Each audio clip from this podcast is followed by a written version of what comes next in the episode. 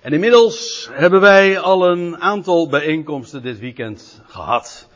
Dat zeg ik er maar eventjes bij voor degenen die hier nu uh, zomaar binnengevallen zijn. Dus u haakt uh, aan bij een thema dat we inmiddels al van diverse kanten hebben benaderd. En dat moet u ons maar niet kwalijk nemen. En we hebben genoten van, ja, van dat licht der schriften waar we zojuist ook over zongen.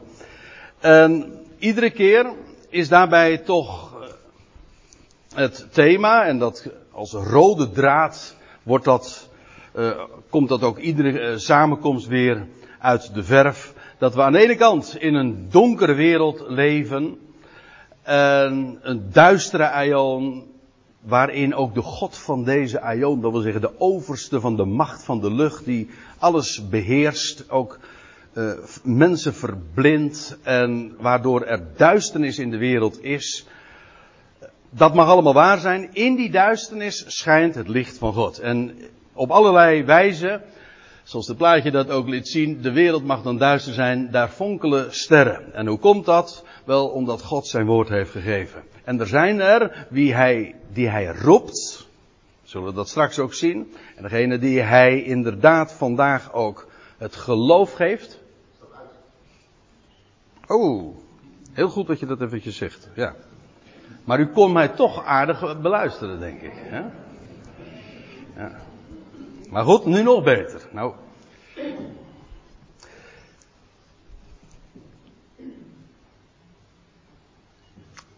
Wat zei ik ook weer? Wat was de laatste zin? Uh, die donkere wereld, daar had ik het over, hè? Ja. En oh ja, dat was het. Uh, daar in die wereld, in die donkere wereld, zijn er lichtdragers. Dat wil zeggen, zij die het licht hebben vernomen en die dat, ja, als, hoe werkt dat met licht? Dat gaat schijnen, dat gaat stralen, dat is een automatisme, is logisch, daar is licht voor. Nou, dat is eigenlijk een geweldig onderwerp om daarbij bepaald te worden. Gisteravond hebben we ons ook wat bezig gehouden, trouwens gisterochtend ook, over wat het, uh, ja, wat het betekent dat deze wereld duister is. En dat contrast moet je kennen. Eh, om inderdaad dat licht des te meer te waarderen. Gisteravond hadden we het dan over uh, ja, de duisternis waar de wereld in wandelt. En hoe dat in de praktijk ook uh, allemaal tot uiting komt. Maar des te mooier en geweldiger is het om te beseffen wat het betekent om in het licht te wandelen. En dat, dat, dat je dat licht mag gaan reflecteren en dat dat ons verandert en dat je daardoor gaat schijnen. Dat is allemaal zijn werk. Dat, dat is het allermooiste nog. Dat is het mooiste wat altijd weer uit de verf komt wanneer echt dat goede bericht van hem klinkt. Hij krijgt daarvoor alle credits. Ik bedoel, wij zijn daarin werktuig. Wij zijn daarin leidend voorwerp. Dat wil zeggen, hij doet dat aan ons. En in ons en door ons. Maar hij is het. Hij krijgt daarvoor de eer.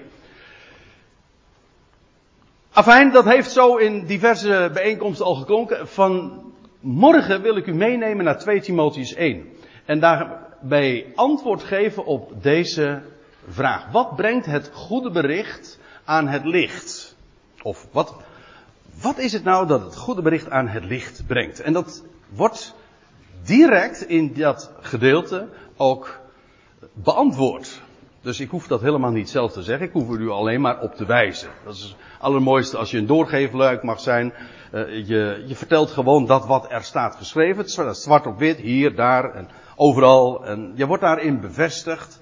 En uh, ja, take it or leave it of believe it. En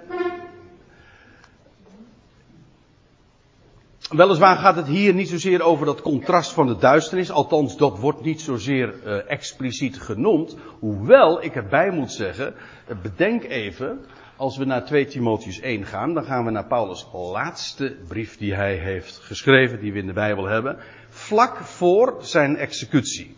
We lezen dat zo in de loop van de brief. Ik ga dat nu verder ook niet laten zien. Doet ook niet zo ter zake. Maar ook om even de, de donkere omgeving, het, de donkere context van deze brief daarmee toch wel te schilderen. Want dat is heel evident. Paulus' executie stond voor de deur.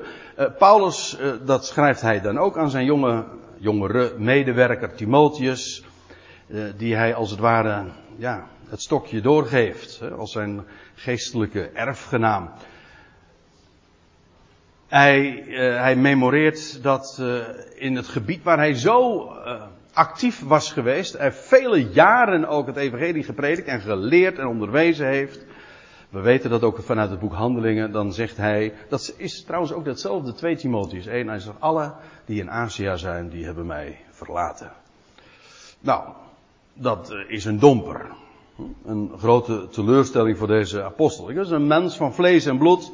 En, en zo waren er, er was heel veel tegenstand. En deze brief, juist in die donkere omstandigheden, en Paulus waarschuwt Timotheus, en dat is over duisternis en, en een donkere context gesproken, hij waarschuwt Timotheus, dat wordt alleen maar erger. En erger in de zin van niet alleen in de wereld, deze donkere aion, die wordt alleen maar nog, voor zover dat mogelijk is, donkerder. Maar ook, en dat is misschien nog wel de meest tragische ondertoon in deze brief. Dat is dat in de christenheid, zij die het, die uitkomen voor het getuigenis van het evangelie, zij zijn het, uh, het zal zelfs zo zijn, zegt Paulus al tegen Timotheus, dat ze de gezonde leer niet meer zullen verdragen. Die, die tijd komt, zegt hij tegen Timotheus. En dus juist daar waar je zou verwachten van daar gaat het, daar zal het klinken. Paulus zegt, reken er niet op. In zijn dagen was het al zo dat allen die in Azië waren hem verlaten hadden. En hij zegt, uh, reken er maar op dat die ontwikkeling zich alleen maar meer zal voltrekken. In die zin zou je echt kunnen verdedigen dat dit een zeer pessimistische brief is. Maar dan moet je de brief ook niet al te goed lezen hoor. Want als je, want ja, het, het, het licht spat er vanaf, als ik het zo mag zeggen. Dat is, het is, en de vreugde en ook de vrede die Paulus daar in de gevangenis, zo vlak voorafgaand aan, uh, ja, toch hele heftige gebeurtenissen, en Paulus is vol vrede. En nou ja, laat ik dan beginnen bij vers 7. En dat, uh, dat brengt perfect, denk ik, onder, uh, onder woorden wat ik nu ook bedoel te zeggen. Want dan zegt hij, de God, zoals Paulus dat dan altijd zo benoemt. Trouwens, dat is in het algemeen het Grieks, als het gaat over de God. Die ene, die, echte God. Degene die echt God is, de God. Hij zegt, die geeft ons niet een geest van beduchtheid. Andere vertalingen spreken over timiditeit. Hè? Dat we timide zijn en dat we uh, ja, bang zijn. Of in de MBG-vertaling staat van, een, van lafhartigheid. We durven eigenlijk niet de, de, ene stap voor de andere te zetten. Hij zegt, ja, maar dat is niet de geest die God ons gegeven heeft.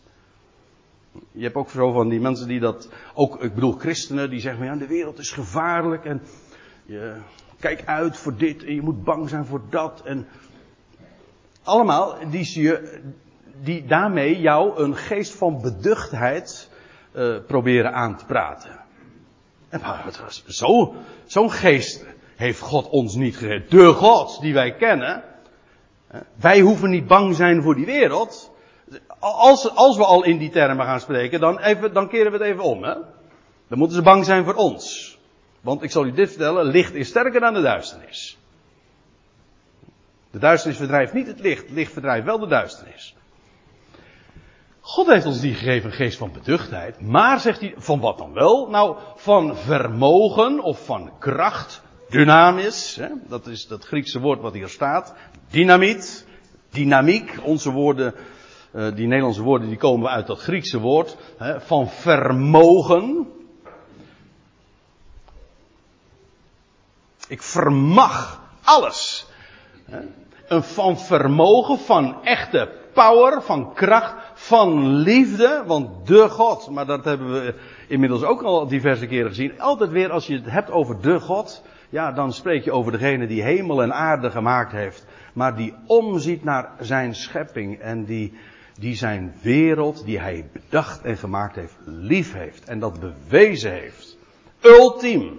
Juist tegen de, ook weer zoiets, Juist in het, het grootste contrast, juist toen de wereld de vijandschap naar God toe zo openbaarde, juist toen openbaarde God op het hoogst zijn liefde. Toen de wereld Gods zoon aan het kruis nagelde, Toen bewees God, zoveel hou ik van jullie. Want die liefde is niet kapot te krijgen. Wel, de God die heeft ons niet gegeven een geest van beduchtheid, maar van vermogen, van power, van liefde.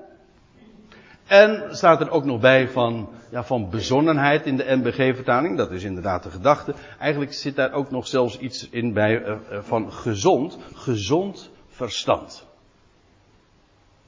De schrift, trouwens heel de schepping, is logisch opgebouwd. En God is de logos. Hij is een logische God. En ik vind, als iets niet logisch is, ik bedoel, ik zeg, nog niet, ik zeg niet, als je het niet kan verklaren, is het niet waar. Dat is onzin. Ik bedoel, dat, dat, daarmee zeg je, ken je veel te veel kwaliteit toe aan ons volstrekt beperkte IQ en denkvermogen.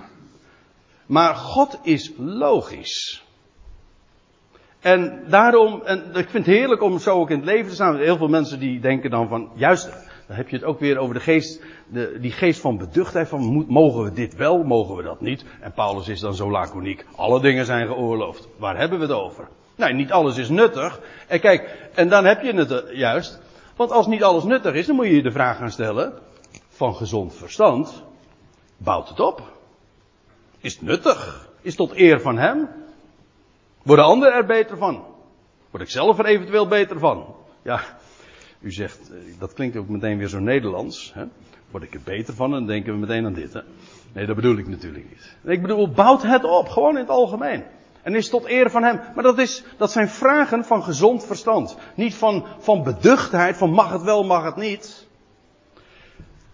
De God geeft ons niet een geest van beduchtheid, maar van vermogen, van liefde en van gezond verstand. Gewoon heel bezonnen. Schaam je dus niet voor het getuigenis van onze Heer. Ik ben, het is misschien even goed om dat bij deze dan alsnog toe te lichten. Gisteren, na de tweede samenkomst, toen hebben we nog dat lied gezongen, aan het eind. Uh, aan de hand van Romeinen 1 vers 16. Uh, u herinnert zich dat nog wellicht van uh, dat lied. want nee, ik schaam mij het evangelie niet. Toen kwam er naderhand iemand naar me toe en toen hebben we daar nog een gesprekje over gehad. En ze zegt, uh, maar daar staat toch eigenlijk niet, heb ik wel eens gelezen, van uh, schaam, ik, ik schaam mij het evangelie niet. Maar er staat eigenlijk, uh, het evangelie beschaamt mij niet. En dat is, het ene is zoiets van, kom maar op, weet je wel.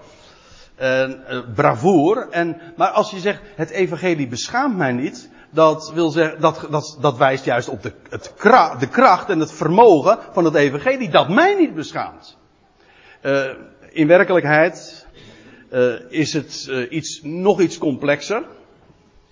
Dat, nou, dat wil zeggen, ik heb u er al, we hebben het er dit weekend toevallig, denk ik zo, al verschillende keren over gehad. Dat Griekse werkwoordvormen, daar ga ik u er toch nog weer wat over vertellen. die zijn of actief of passief. Dus dat, nee, zo is het in het Nederlands. Het is iets actief, of je schaamt je niet, of je wordt niet beschaamd.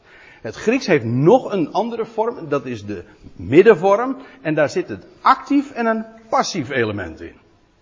Nou, als daar in Romeinen 1 vers 16 staat, uh, ik schaam mij het evangelie niet, dan is dat die middenvorm. Dat wil zeggen, het evangelie beschaamt mij niet.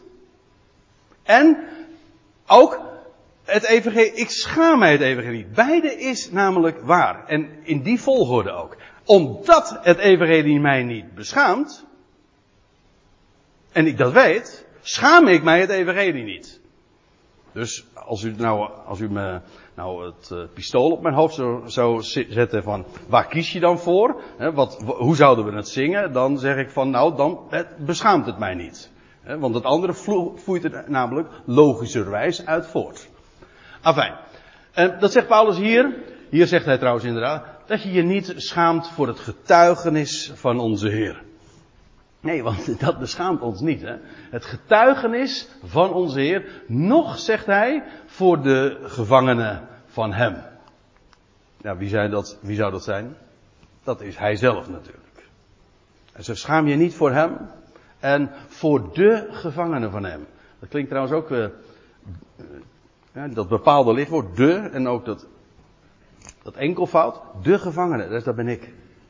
En Paulus was zich heel erg bewust, we zullen dat aan het slot van uh, deze ochtend ook zien, uh, van het feit waartoe God hem geroepen heeft. Als heraut, als afgevaardigde, als leraar van de natie. Hij zei, maar hij was nu gevangen. En in de wereld miskend. In de wereld miskend, jawel. In het Jodendom waar hij van uitkwam. Miskend, sterker nog, daarom was hij een gevangene. Want het, juist, het was juist in Jeruzalem, in het hol van de leeuw, wat hij terecht was gekomen, waar hij gevangen werd gezet. En zo kwam hij uiteindelijk ook in Rome terecht. Via, via, via. Dan. Hij is die gevangene. En uiteindelijk is hij dan ook nog eens een keertje zwaar miskend in al die gemeentes waar die, waar die, die door zijn prediking ooit ontstaan waren. Nou, en nu is Paulus aan het eind van zijn leven stelt dat zo vast. En dan zegt hij tegen Timotheus, het is niet eens meer de massa die jij aanspreekt, maar het is die enkeling. Het is ook een persoonlijke brief. Ik bedoel, uh, het had ook geen zin om nog een, een, brief te schrijven aan een gemeenschap, want die, die waren toch al niet meer, die hadden hem toch al verlaten. In welke zin dan ook. Maar in elk geval, ze hadden hem, en daar, juist in contrast daarmee zegt Paulus, schaam je niet voor het getuigenis van onze Heer. Ook al wordt het nog zo miskend, en daarom steekt hij hem ook een hart onder de riem, van, ja, God heeft ons niet gegeven een geest van beduchtheid. Als er één woord krachtig is, sterker nog, hoe donkerder de wereld is, dat, daar kun je je over beklagen. Dat is zo duister. Ja, maar het heeft ook een groot voordeel, namelijk dat het licht, zelfs een klein licht dan, zo des te duidelijker gezien wordt. En ja, dat is, zo denk ik er ook graag aan. Ja, we leven nu in 2017 en we zullen vanmiddag ook zien, uh, voor zover we, nou, we zullen dat ook opnieuw ons weer realiseren. De tijd is nabij. We leven in zo'n donkere wereld. Ja, maar er is ook nog nooit een tijd geweest waarin het licht van Gods woord, niet zo massaal, maar zo duidelijk klinkt, maar ook zo gemakkelijk te benaderen is. De, de, de schriften, die zijn voor ieder toegankelijk. Dus er is nooit een tijd geweest waar de schriften zo duidelijk, zo helder hun, uh, haar licht uh, vertoonden als juist in deze tijd. Daar verblijden wij ons in. Dat is echt geweldig. Paulus zegt, schaam je niet voor dat getuigenis van onze Heer, nog voor de gevangenen van hem. Hoe, hoe miskend dat ook. En, en Paulus was, aan hem waren ge, verborgenheden bekendgemaakt. Zo geweldig. En hij wilde dat in het licht stellen. Het blijft verborgen. En het, de wereld is donker. Dat, dat, dat verandert er niet door. Maar, zegt hij tegen die Timotheus, schaam je niet voor de gevangenen van hem, maar leid samen met kwaad in het goede bericht. Dat is nou, ja, als u nou uh, aan mij zou vragen, is er een nadeel uh, verbonden aan het kennen van het goede bericht? Dan zeg ik jazeker. En dat moet je ook goed bedenken. En dat is, je wordt, je hoeft niet te rekenen op, op groot applaus. Of uh, je hoeft ook niet te rekenen op, op de rode loper die ze voor je uitleggen. Integendeel. En juist, en dat is misschien nog, maar daar hadden we het al even over. Juist in de omgeving waar je zou verwachten van, daar zegt men, oh wat geweldig zeg. Zo, staat dat in de schrift. Dat zou, dat zou, als je dat hebt mogen zien, ik bedoel dat, dat getuigenis van onze Heer en, en, en, en dat van zijn gevangenen, wat hij heeft mogen optekenen in die brieven. En, en je spreekt daarover, en als dan miskenning je deel is, dan leid je daarom kwaad. Nou moet ik erbij zeggen, dan moet je ook weer niet hier overdrijven hoor. Want hier heb, als we hier al kwaad leiden, en doe je. Want als je uitkomt voor het goede bericht, ga er op voorhand van uit. Zal, dan is miskenning je deel. Maar we leven natuurlijk in een, in een tijd waarin ja, democratie, tolerantie, eh, dat, dat is, wordt altijd, dat staat hoog aangeschreven. En eh, hoe je daar ook over denkt, dat biedt in ieder geval ons het voordeel, zo'n zwaar miskend getuigenis, om daar gewoon, zonder dat je kop eraf gehakt wordt, om daar vooruit te komen. Dus als wij zeggen van ja, maar uh, ze, ik, ik, vertel het maar niet, want je wordt met de nek aangekeken of ze. Oké, dat is zo. Dat is kwaad lijden. Maar het is nog een hele vriendelijke vorm. En ook dat eh, vind ik een goede zaak om ons te bedenken. Dus, uh, ik bedoel, Paulus, Paulus die zat in de gevangen, letterlijk. En die zou binnenkort geëxecuteerd worden. Hij zegt, het, tijd van, het, tijdstip van mijn verscheiden, zegt hij in hoofdstuk 4, is, staat voor de deur. Nou. Kijk, dat is echt, ook in de fysieke zin, uh, kwaad lijden. Maar hij zegt, dat, want dat is namelijk algemeen, ja, licht en duisternis, dat verdraagt elkaar niet. Leid samen kwaad in het goede bericht, ja, dat is niet zo moeilijk, naar vermogen van God. Hij heeft dat getuigenis gegeven. Hij geeft met dat getuigenis, is zo'n getuigenis dat kracht geeft. Dit is, dat overtreft alles. Als je daarin staat, ja, dan kun je alles aan. Dan kun je echt alles aan. Dat is geweldig vermogen of kracht van God. We lezen verder, vers 9. Die ons redt, gaat dus over God, die ons redt en roept. Moet ik er, ga ik er nog iets bij vertellen over het Grieks?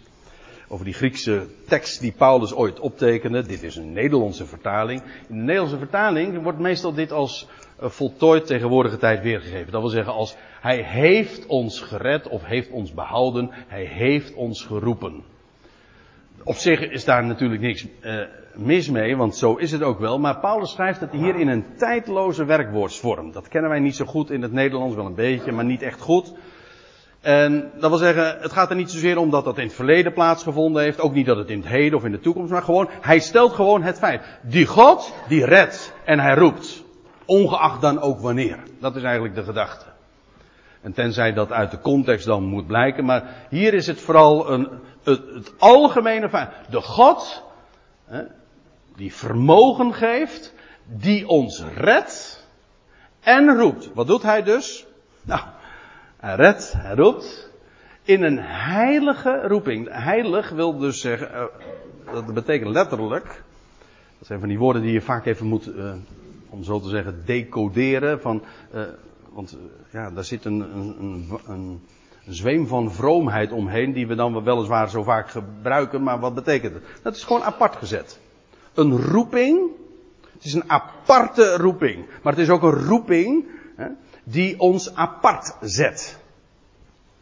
Dus in de dubbele zin een heilige, een apart gezette roeping.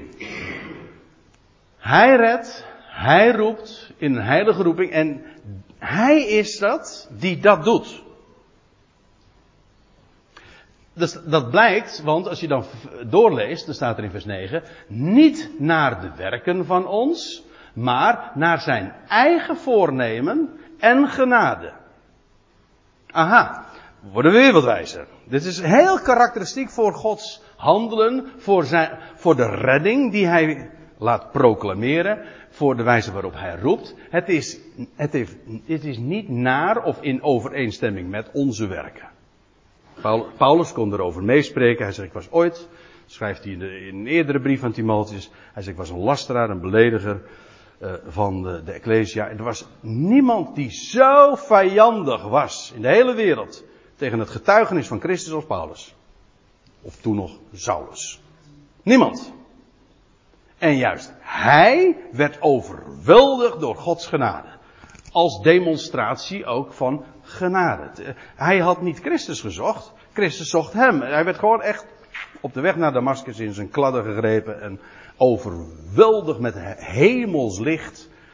En dus dat had niks te maken met werken, maar dat is ook logisch. Maar in het algemeen, Paulus is daarin een model. Oké, zo zegt hij dat ook, een, een voorbeeld. Maar het is karakteristiek voor de wijze waarop God werk, uh, redt en roept. Want het is niet naar de werken van ons. Het heeft niks te maken met onze verdiensten. In de positieve zin van wat we gepresteerd hebben. Of in de, zin, in de negatieve zin. Uh, onze werken staan daar volkomen los van. Dat is een van de uh, geweldige dingen van het evangelie. Het heeft niets te maken met, met wie wij zijn. Dus als je.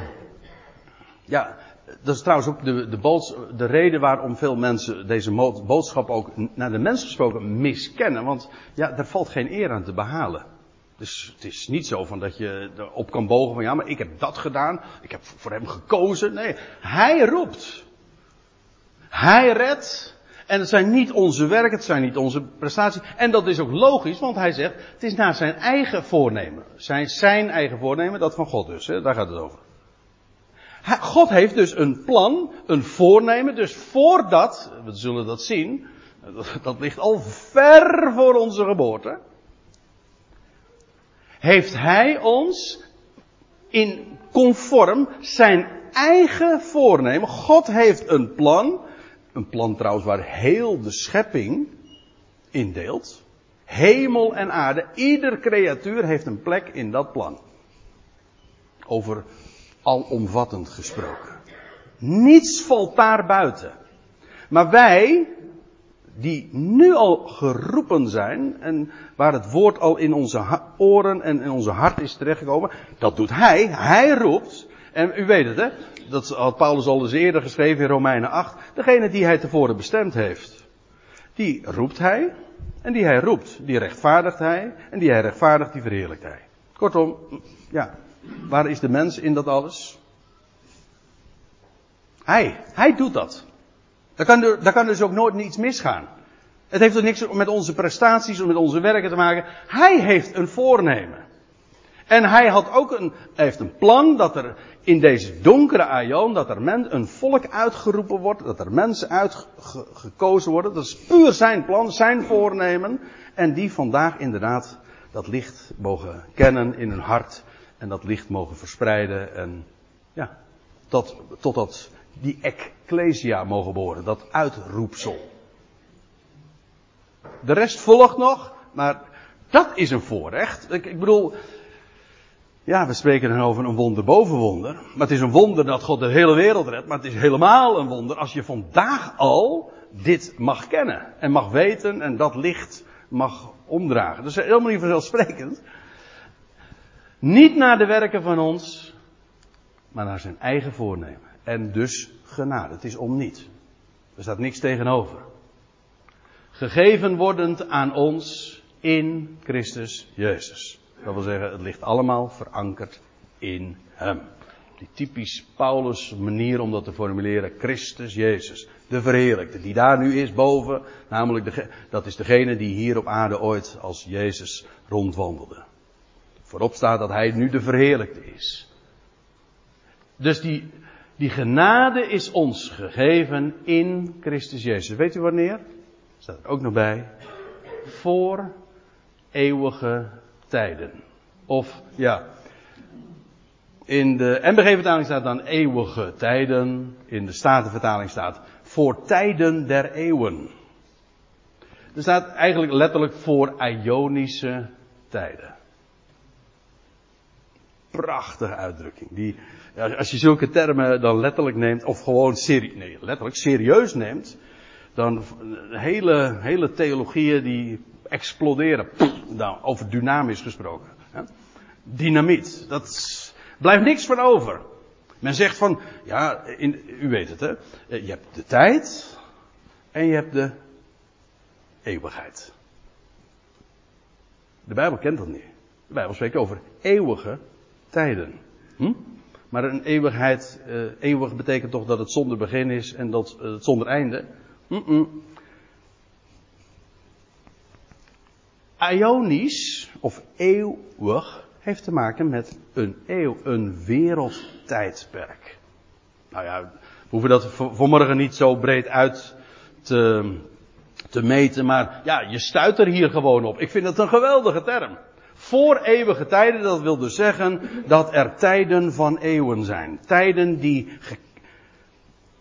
Ionische tijden. En het leuke ervan is, er zijn dus meerdere eeuwige tijden. Het is, meer, het is meervoud.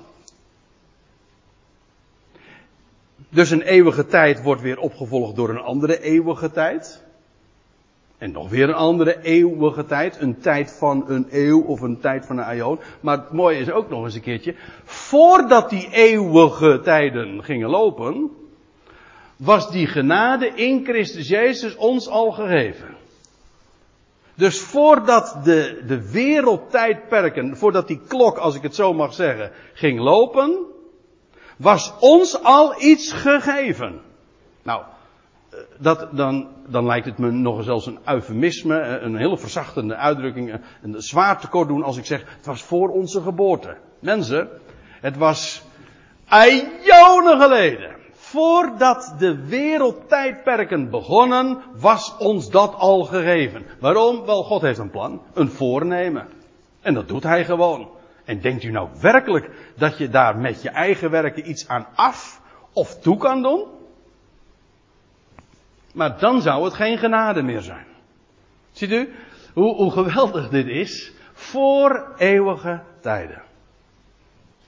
En mensen denken dan van bij een eeuwige tijd, uh, ja, eigenlijk kan men dat, dat begrip sowieso al niet pruimen, omdat men uh, eeuwig staat te tegenover tijd. Nee, in de Bijbel niet. En als iets een eeuwige tijd is, dan wil niet zeggen dat het eindeloos is. Integendeel. Integendeel. Het is een tijd van een aion. En dat is, weet u, dit is zo essentieel. Dit is maar niet een kwestie van een Grieks woordje begrijpen. Dit is, ik ga het zwaar aanzetten misschien, maar beoordeel het zelf. Als je dit niet ziet, of als dit verduisterd wordt, wordt het evangelie daarmee bedekt. En kun je het evangelie zelfs niet meer begrijpen. En er moet een meesterbrein in het spel zijn om dit te, klaar te spelen. Om een concept te introduceren, notabene in de christenheid, van een eindeloze eeuwigheid, die van een aion, dat in de Bijbel onmiskenbaar iets is wat een begin en een einde heeft, om daar een eindeloosheid van te maken. Weet u waarom? Waarom is dat? Dat is niet alleen maar omdat je het plan dan niet meer alleen begrijpt. Het evangelie kan je niet zien. Weet u waarom? Omdat als de Bijbel dan spreekt over, uh, ik noem maar wat, een eeuwige dood of een eeuwige straf, eeuwige toorn. Als je denkt in de, termen, zoals dat ons is groot uh, vanaf de kansels en vanuit de instituten geleerd wordt, dat zelfs ook niet ter discussie gesteld mag of kan worden. Want een eeuwigheid, dat duurt toch eindeloos. Een aion, daar komt toch geen begin, daar is toch geen begin en er is toch geen einde aan. Dat betekent dus dat er aan de dood, aan de toorn, aan de straf van God ook geen einde komt. Weg, evangelie. Heb je niks meer over. Want het evangelie is juist de boodschap dat de dood er niet gedaan wordt. We zullen dat in het volgende vers zien.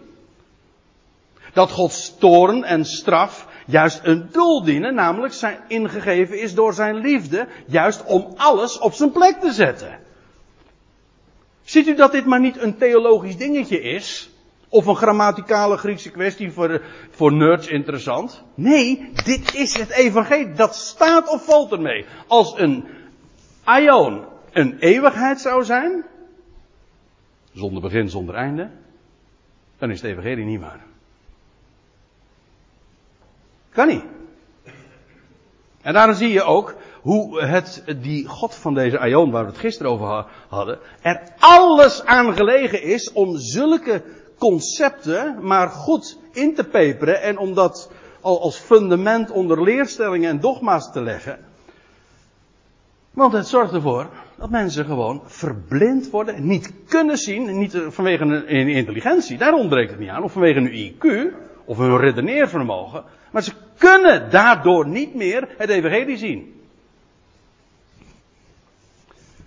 Nou ja, dat zijn zomaar van die overwegingen. Eh, dat hier dan, eh, dat Paulus spreekt over dat ons genade is gegeven naar Gods voornemen. Voor Ionische tijden. Zo'n term die moet je echt heel goed uh, bedenken. Wat enorm krachtig dat is. Maar ook, uh, ja, vooral, ja, je gaat vooral de waarde ervan zien door het contrast. Wat men ervan gemaakt heeft. Fataal. Echt fataal. We lezen verder. Uh, naar zijn eigen voornemen, ik moet even de hele zin nog lezen, en genade gegeven wordend aan ons in Christus Jezus voor Ionische, voor eeuwige tijden, maar nu geopenbaard wordt, en we zullen, als je de rest van de zin leest, namelijk door het goede bericht. Het wordt nu geopenbaard door de verschijning van de redder van ons, Christus Jezus. Aha. Dus het lag allemaal in het voornemen van God voor de tijden der eeuwen. Lag het allemaal vast, die genade was ons al gegeven in Christus Jezus. Gegarandeerd. Het feit lag er, die redding, die roeping, heeft niks met onze werken, logischerwijs dus ook te maken. Dat is dan ook nogal wiedes. Dat is allemaal echt inderdaad logisch. Maar die wordt nu geopenbaard. Namelijk door de verschijning van de redder van ons. En wie is die redder? Wel, dat is God. Hè, geopenbaard in Christus uh, Jezus. En dan staat erbij, die de dood teniet doet. En dan moet ik er weer even iets bij zeggen. Oh, en, maar ik haak dan weer aan bij wat ik zojuist zei over die, die tijdloze werkwoordsvorm. Die, die aorist. Want als u nu in de uh, MBG-vertaling, en ik denk van ook de Statenvertaling, meestal wordt het zo weergegeven als een voltooid tegenwoordige tijd. Namelijk, die de dood teniet gedaan heeft. En dat is niet waar. Christus, ja, uh, moet ik even toelichten natuurlijk, hè, voordat u nu uh, gaat opstaan. Christus Jezus heeft niet de dood teniet gedaan. Christus Jezus heeft de dood overwonnen. Dat is waar, dat staat, lees je ook in de schrift. Hij heeft de dood overwonnen. Hij doet de dood teniet. Maar hij heeft de dood nog niet teniet gedaan. Kun je dat bewijzen? Ja, dat kan ik bewijzen. Ik heb het nu niet op sheet staan, maar uh, schrijf hem op. 1 Korinthe 15. Het hoofdstuk trouwens bij uitstek waar gesproken wordt over hoe God een einde maakt aan de dood.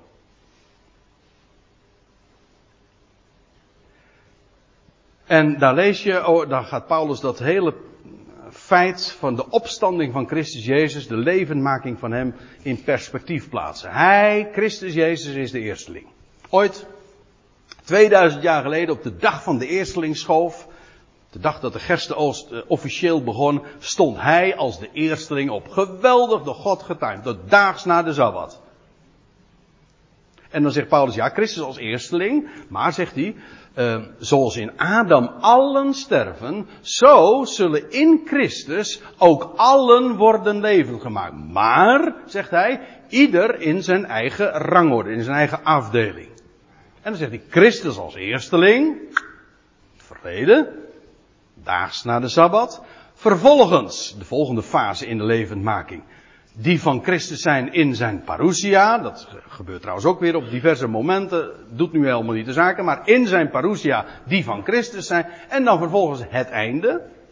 En dan staat erbij. Als hij. Uh, als hij alle, uh, alle macht en overheid en tegenstand niet gedaan heeft. En hij het koninkrijk overdraagt aan zijn God en Vader. Want staat er. Hij moet als koning heersen. Totdat. Heb je ook weer zoiets? Want, in de ene, want er zijn tal van passages waar je dan leest in onze Bijbelvertalingen. Hij moet, eh, we hebben ook liederen die dat dan zo naar voren brengen. Van Christus heerst tot in alle eeuwigheid.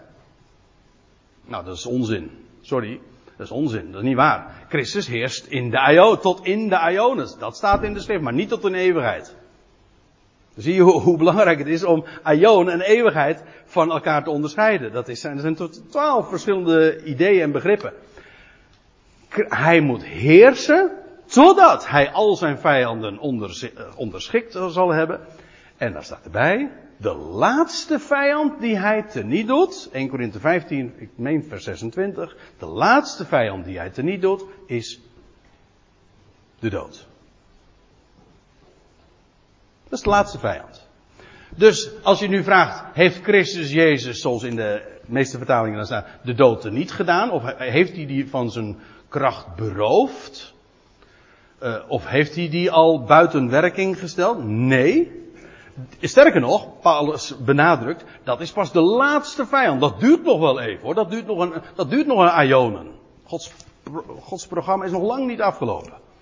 Er zijn nog tijd, wereldtijdperken te gaan. En pas aan het einde van die tijdperken, aan het einde van zijn heerschappij, dan zal hij de dood teniet doen.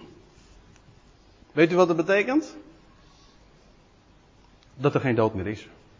Ja, dat is een open deur intrappen. Maar zo erg, uh, zozeer, dat de meeste mensen dat niet begrijpen. Ook weer vanwege uh, die concept. Men is verblind.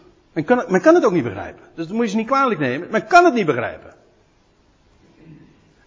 Dat Christus Jezus de dood niet doet, is zo'n eenvoudige waarheid. Een kind, een klein kind kan het begrijpen. Dat betekent gewoon dat er geen dood meer is. Echt geen dood meer is. En hoe, wat betekent dat dan? Nou, hoe doet hij de dood niet? Er staat hier ook bij. Maar leven en onvergankelijkheid aan het licht brengt. Ook hier weer in die aoristvorm. Dat wil zeggen, gewoon als feit wordt dat gesteld. Hij doet de dood niet, raad eens wat, door allen levend te maken. Want ieder in Christus zullen allen worden levend gemaakt. Zoals alle mensen stervende zijn, zullen alle mensen ook in Christus worden levend. Ieder in zijn eigen rangorde, Christus als eersteling, vervolgens die van Christus zijn in zijn parousia. En uiteindelijk, als de dood als laatste vijand aan het einde van Christus heerschappij teniet gedaan wordt, ja, wat, wat betekent dat? Hoe doet hij dat? Nou, door de rest, degene die nog niet levend gemaakt zijn, levend te maken. En als allen levend gemaakt zijn, dan is er geen dood meer. Dus hoe doet hij de dood teniet? Simpeler kan het niet en logischer ook niet. Door allen die dan nog dood zijn. Ik moet erbij zeggen, voor degenen die uh, inmiddels wat uh, meer ook weten van profetische begrippen. Als hij ook de tweede dood. De tweede dood is ook gewoon dood hoor. Is ook dood gewoon. Nou, dat weet ik dan weer niet. Maar het is wel gewoon dood, ja. Hij doet de dood niet. Door allen die dan nog dood zijn. Voor de eerste of de tweede keer. Nou, voor de tweede keer. Levend te maken. En dan. Dan is dit waar geworden. Christus Jezus, de redder van ons, die de dood teniet doet. Hoe? Wel door leven en onvergankelijkheid aan het licht te brengen.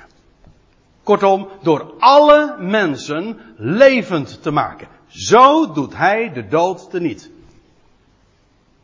En de geweldige waarheid daarvan is dat dit is echt een, een, een goed bericht is en voor iedereen. Ik kan tegen elk sterveling zeggen, ja, we zijn toch allemaal stervelingen? Ja, dus een vergankelijk lichaam zijn op weg naar de dood. En voor elke sterveling geldt, je bent in Adam een sterveling, maar in Christus zal jij, u, wij allemaal, al die miljarden mensen, worden levend gemaakt. Geen mis op. Dat is een mededeling. Dat is een bericht. En Gods liefde zal jou vinden. En het leven zal overwinnen. Dat is niet van op voorwaarden dat. Er zijn geen voorwaarden. Dat is een feit. Dat is het evangelie. En als dit nu binnenkomt. Wauw, wat geweldig. Dat zou dus een aanwijzing kunnen zijn dat God je roept. Dat je zijn woord hoort. Hè? En het, het, het, het, bepaalt je bij wat hij doet en wat hij garandeert en belooft. Maar wat een licht. Dit is echt het licht van het leven hoor. Maar dit, mensen, is ook het geweldige evangelie. Het is puur om niet. Het heeft niks te maken met onze werken, met onze prestatie. Hij heeft er niets mee te maken. God heeft een, wat zei ik, een probleem. God heeft een plan. Hij heeft een plan, een voornemen en elk creatuur, elk mensenkind is daarin opgenomen. Niemand valt buiten de boot. En dat is wat we mogen uittoeteren. Je bent bestemd voor het leven. En de dood wordt teniet gedaan. Absoluut. En je gelooft het niet? Ja, je zal er toch aan moeten geloven. en als je dat niet nu doet, uh, nou, geen probleem. Ja, zo laconiek kunnen we dan ook wel weer zijn. Natuurlijk willen we graag, als je, je wilt dit kwijt, een goed bericht wil je graag vertellen. Zeg maar? Er werd vanmorgen te, eh, aan tafel gezegd van ja, Ed en Elsbeth waren opa en oma. Oh, nou weet ik ineens weer niet. Oh, nu mag ik het, ik wou zeggen, nou zit ik het alsnog op publiek te maken. En zegt, vertel het niet. Ja.